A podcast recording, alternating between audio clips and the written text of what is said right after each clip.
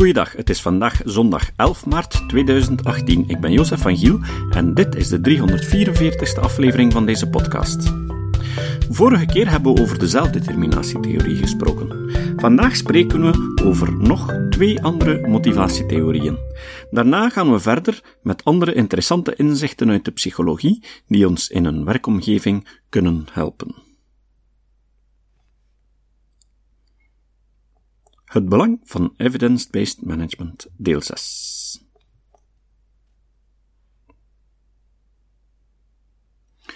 Het progressieprincipe. Theresa Amabile en haar echtgenoot Steven Kramer deden een zogenaamd longitudinaal onderzoek. Gedurende ongeveer 20 jaar volgden ze meer dan 200 werknemers uit verschillende bedrijven op door hen een dagboek te laten invullen. Op die manier verzamelden ze meer dan 12.000 dagverslagen. In deze dagboeken moesten de deelnemers enkele vaste, gesloten vragen beantwoorden die systematisch terugkwamen en hadden ze ook ruimte om vrij verslag te doen van hun ervaring. Tegelijk, maar onafhankelijk daarvan, onderzochten ze de resultaten van de bedrijven waar deze mensen werkten. In de loop van het onderzoek veranderden mensen van werk, gingen bepaalde van de onderzochte bedrijven failliet of werden ze juist zeer succesvol. Sommige bedrijven werden overgenomen met een cultuurverandering als gevolg. De te meten parameters als ook de te valideren of falsificeren hypotheses werden op voorhand vastgelegd.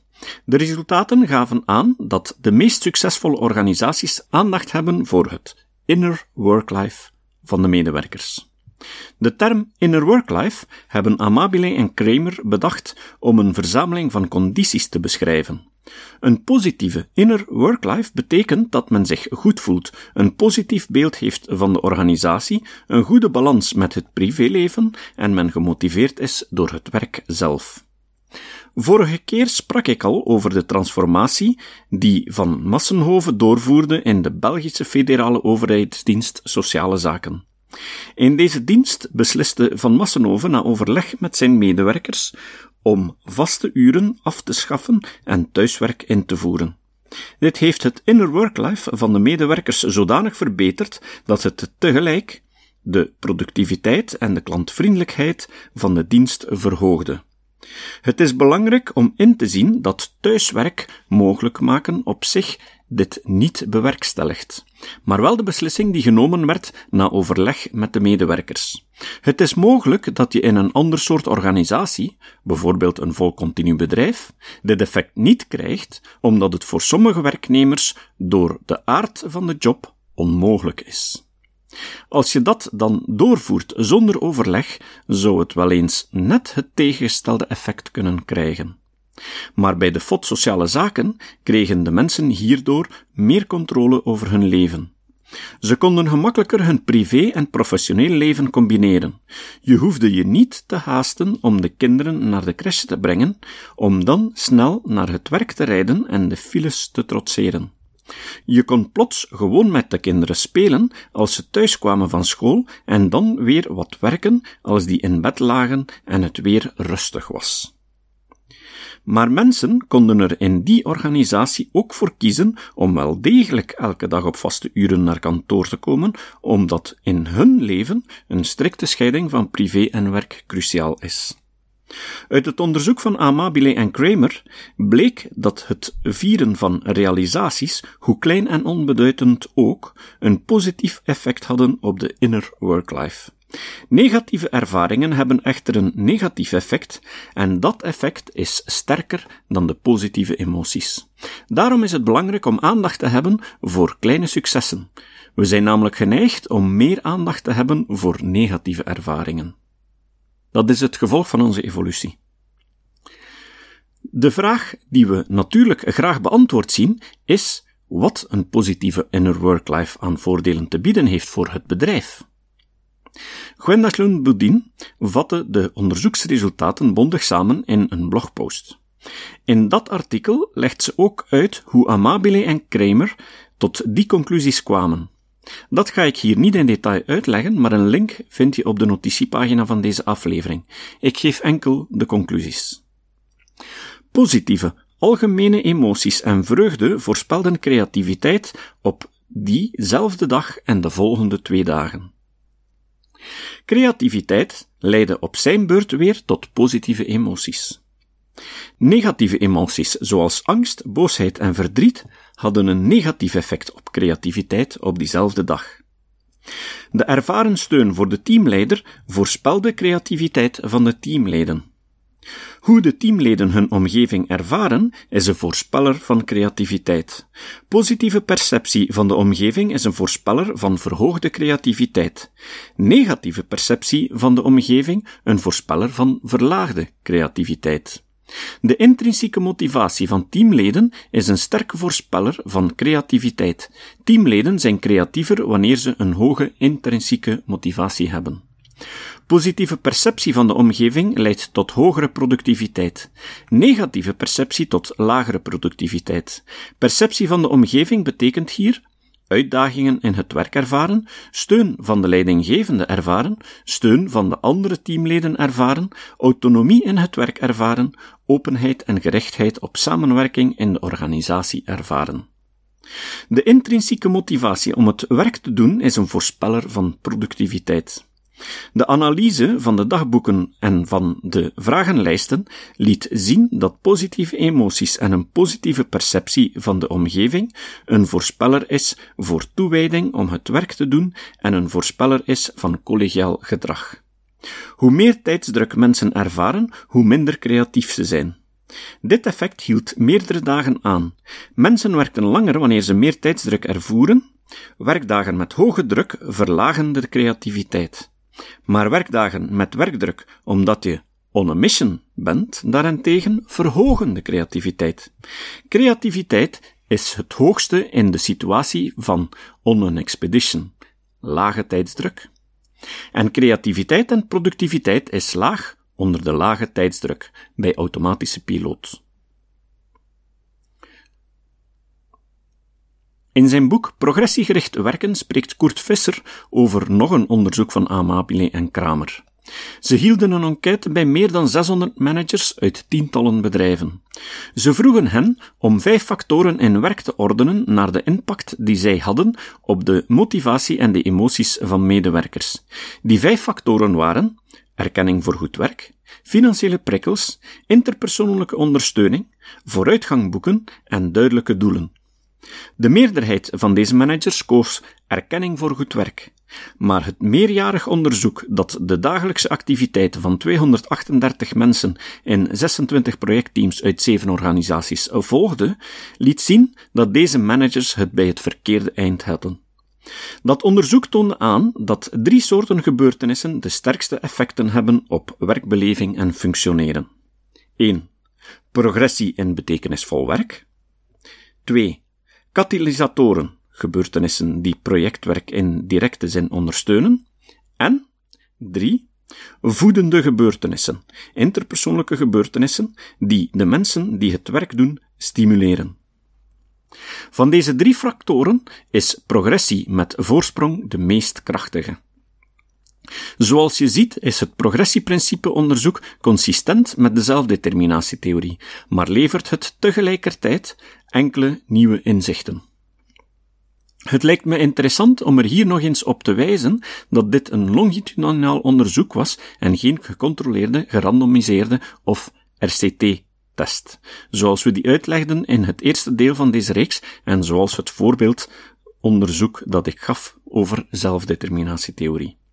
Dit is veldwerk dat gedaan is met echte mensen in echte bedrijven, niet in een labosetting. Toch sluiten de conclusies aan bij de gecontroleerde testen. Bij veldtesten als deze is het door de band genomen moeilijker om de parameters stabiel te houden, en daarom is het lastiger om er harde conclusies uit te trekken. Bij labotesten daarentegen kan je de invloedsfactoren die je niet wil onderzoeken mooi stabiel houden, maar kan je je soms afvragen in hoeverre de situatie representatief is voor de werkelijkheid.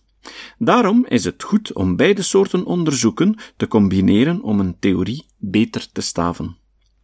Ik vind het ook belangrijk om erop te wijzen dat dit veldonderzoek veel beter uitgevoerd is dan veel zogenaamde onderzoeken die je in populaire managementboeken terugvindt.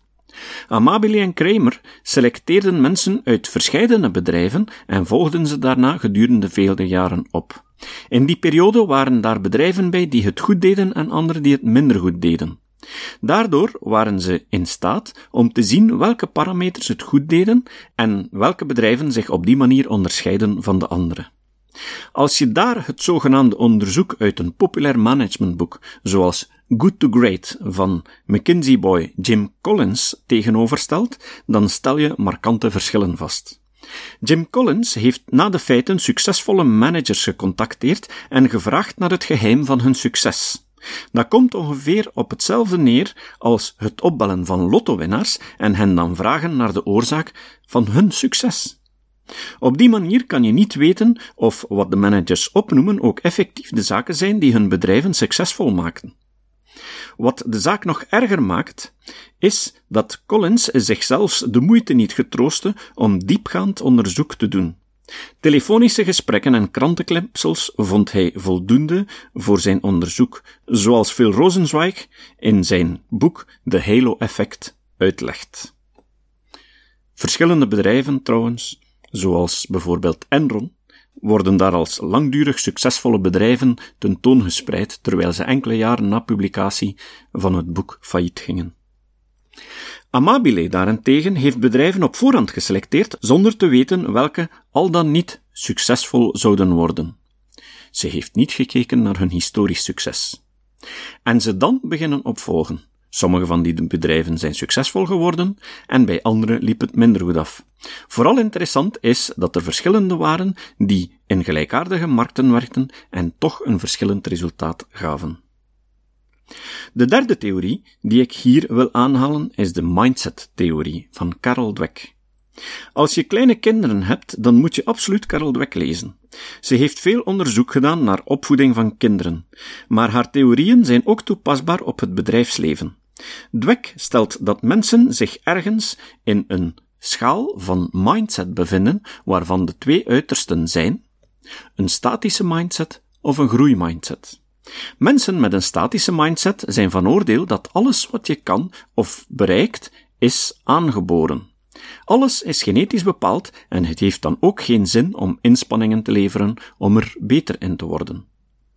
Het gevolg is dat iemand met een statische mindset steeds zal proberen om uitdagingen uit de weg te gaan. Want als je een uitdaging aangaat, zou je kunnen falen, en dan heb je als persoon gefaald.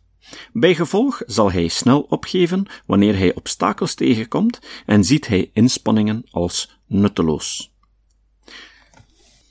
Als je het niet in je hebt, heeft het geen zin om te proberen. Kritiek zal hij afwimpelen en zien als een persoonlijke aanval. Hij zal zich beledigd voelen. Ten slotte kan hij alleen maar jaloers worden op het succes van anderen.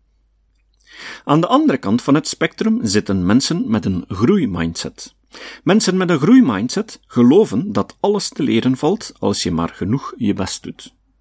Het gevolg van die mindset is dat deze mensen uitdagingen als een opportuniteit zien om iets nieuws te leren en deze dus graag aangaan. Wanneer ze obstakels tegenkomen, zullen ze meer inspanning doen om ze te overwinnen. Want het is net dan dat je bijleert. Ze zullen dus meer inspanning doen om deze obstakels te overwinnen en kritiek zullen ze aannemen om beter te begrijpen wat ze verkeerd doen en hoe het beter moet. Als anderen succes boeken, dan zijn dat interessante mensen om naar te kijken hoe zij het doen om ervan bij te leren.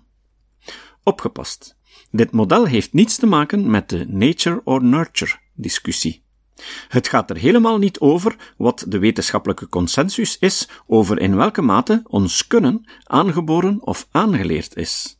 Karel Dweck probeert helemaal niet om het achterhaalde idee van the blank slate, het onbeschreven blad, nieuw leven in te blazen. In de eerste helft van de 20e eeuw was er namelijk een strekking binnen de psychologie die geloofde dat een kind geboren wordt als een onbeschreven blad en alles wat het doet, inclusief geslachtsspecifiek gedrag, aangeleerd is. Steven Pinker heeft dit idee op meesterlijke wijze ontkracht in zijn iconische boek Het Onbeschreven Blad, een boek dat ik al enkele jaren probeerde te pakken te krijgen in de Nederlandse versie. Om de een of de andere duistere reden wil de Nederlandstalige uitgever het niet meer drukken. Maar eind februari ben ik er na enkele jaren eindelijk in geslaagd om een tweedehands versie aan te schaffen. Waar het bij Dweck wel over gaat, is wat je zelf gelooft, niet wat wetenschappelijk het juiste standpunt is. Ook interessant om te vermelden is dat je een verschillende mindset kan hebben voor verschillende onderwerpen. Je kan bijvoorbeeld overtuigd zijn dat je beter kan worden in pianospelen door meer te oefenen, maar dat wiskunde helemaal niet aan jou besteed is, en het dus ook geen zin heeft om er moeite voor te doen. Tot daar lijkt de theorie niet zo speciaal.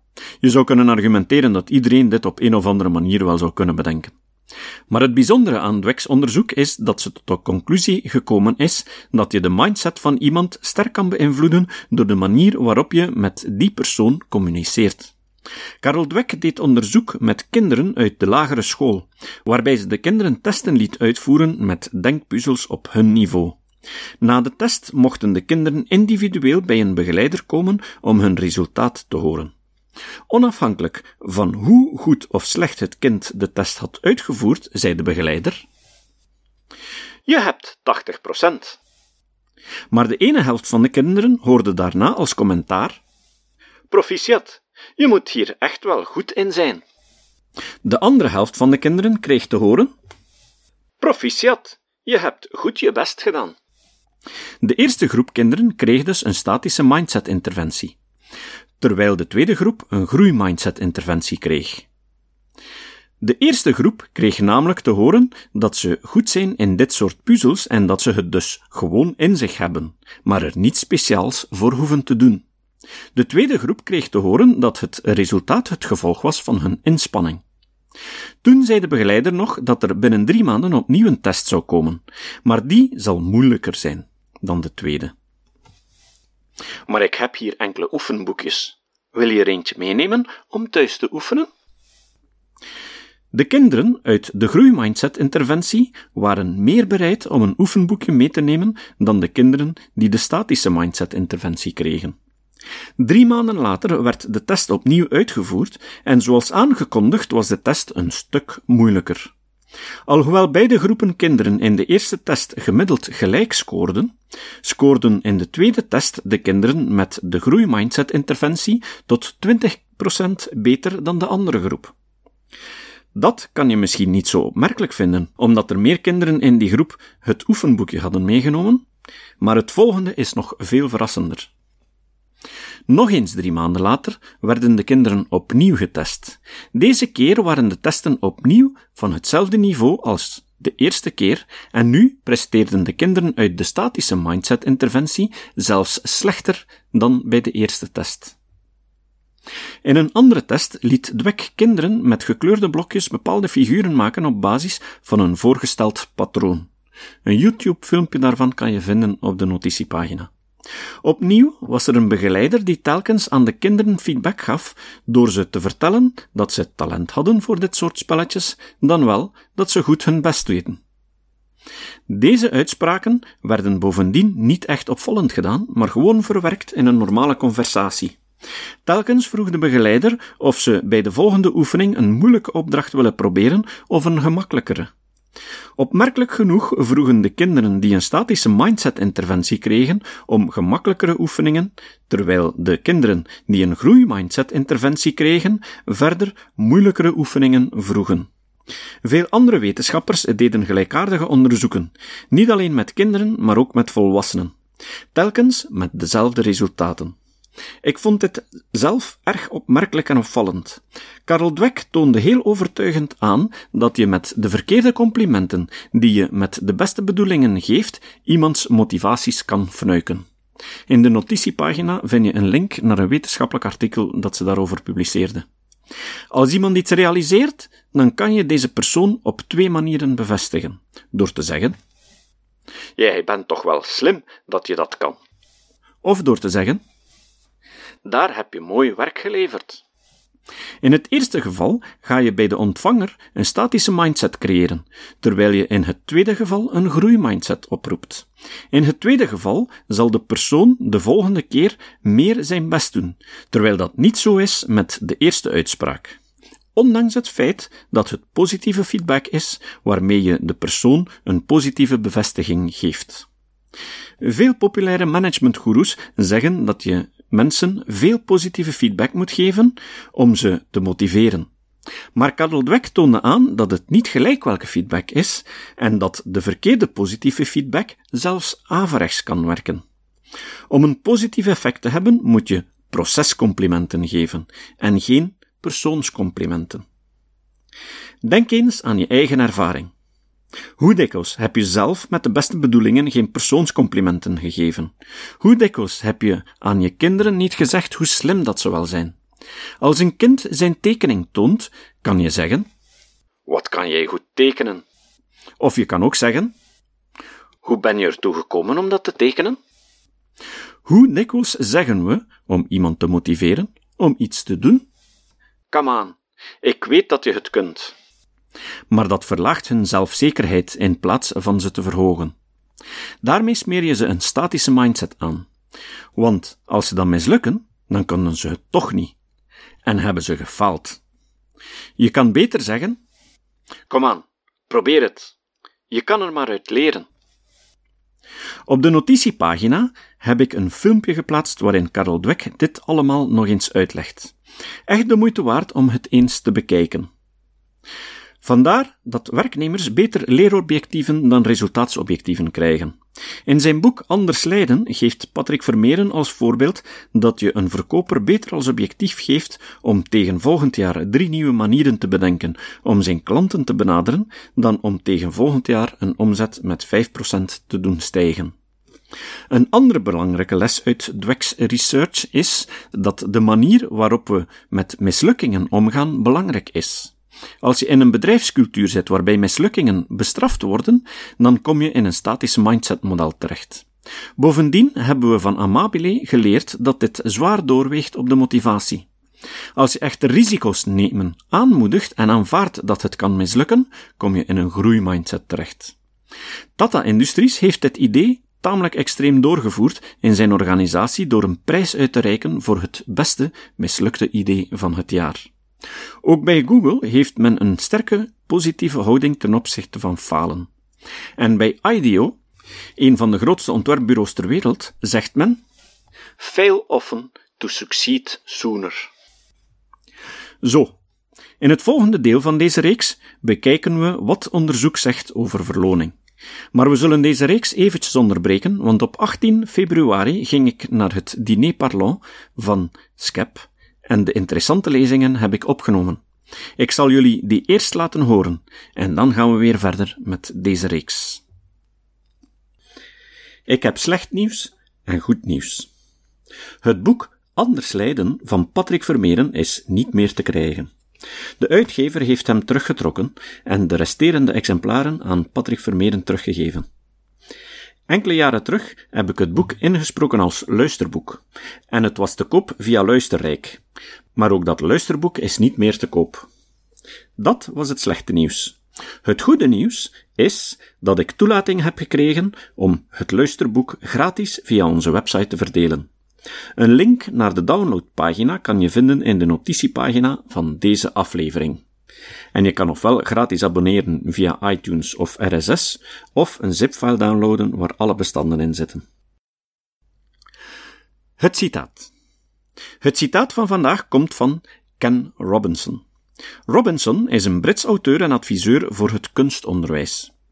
Robinson zei: Als je niet tegen mislukken kunt, kan je nooit iets origineels vinden. Tot de volgende keer. Het stopt nooit. De ene vriend heeft het over zijn nieuwe Reiki-meester. En een ander postte zojuist over nog maar eens een volledig natuurlijke kankerbehandeling waarvan zij niet willen dat jij ze kent. Als sceptici steken we veel tijd in pogingen om de mensen om ons heen tegen deze en andere vormen van kwakzalverij te beschermen. Maar er bestaat een manier om miljoenen te bereiken. Guerrilla Skepticism op Wikipedia is een groep die eraan werkt om de beste sceptische informatie in alle talen binnen handbereik te houden. De training is leuk, verloopt aan je eigen tempo en we hebben onze eigen supergeheime Facebookgroep. Je gaat de wereld al slapende opvoeden.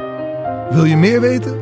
E-mail ons op gsowteam.gmail.com Guerrilla Skepticism.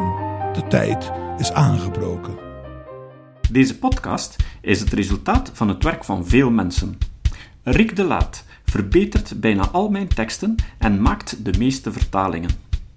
Emiel Dingemans verzorgt onze website en Facebookpagina.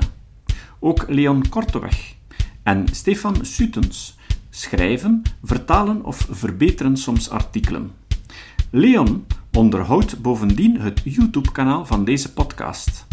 De muziek van de intro en de trailer heeft Nick Lucassen geschreven en soms maken we ook gebruik van muziek van Ad van Nederpelt, die ons zijn prachtige composities ter beschikking stelt. Dit was de podcast Kritisch Denken. Vergeet niet om alles kritisch te behandelen, ook deze podcast. Voor verdere informatie over deze podcast, links en voor de tekst, surf naar www.kritischdenken.info. Als je deze podcast belangrijk vindt, kun je me steunen door anderen warm te maken ook eens te luisteren. Stuur een e-mail naar vrienden met een link naar de website en plaats de link in de handtekening van je e-mails. Tevens kun je op iTunes deze podcast een beoordeling geven of een recensie schrijven. Of je kan op je eigen website of blog een link naar kritisch denken plaatsen.